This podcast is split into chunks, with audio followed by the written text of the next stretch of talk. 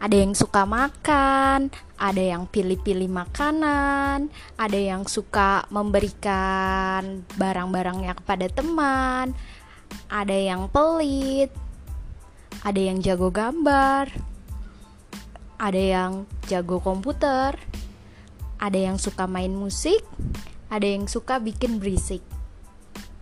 Yang pasti semuanya bikin tertawa bahagia kita semua terlahir menjadi bayi dan tumbuh menjadi anak-anak yang ceria.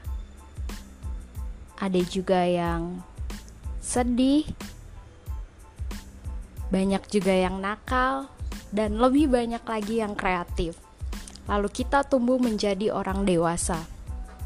Nah, podcast ini akan menceritakan tentang pengalaman saya berjumpa dengan bermacam-macam anak yang spesial. Iya, spesial. Karena semua anak memang sangat spesial.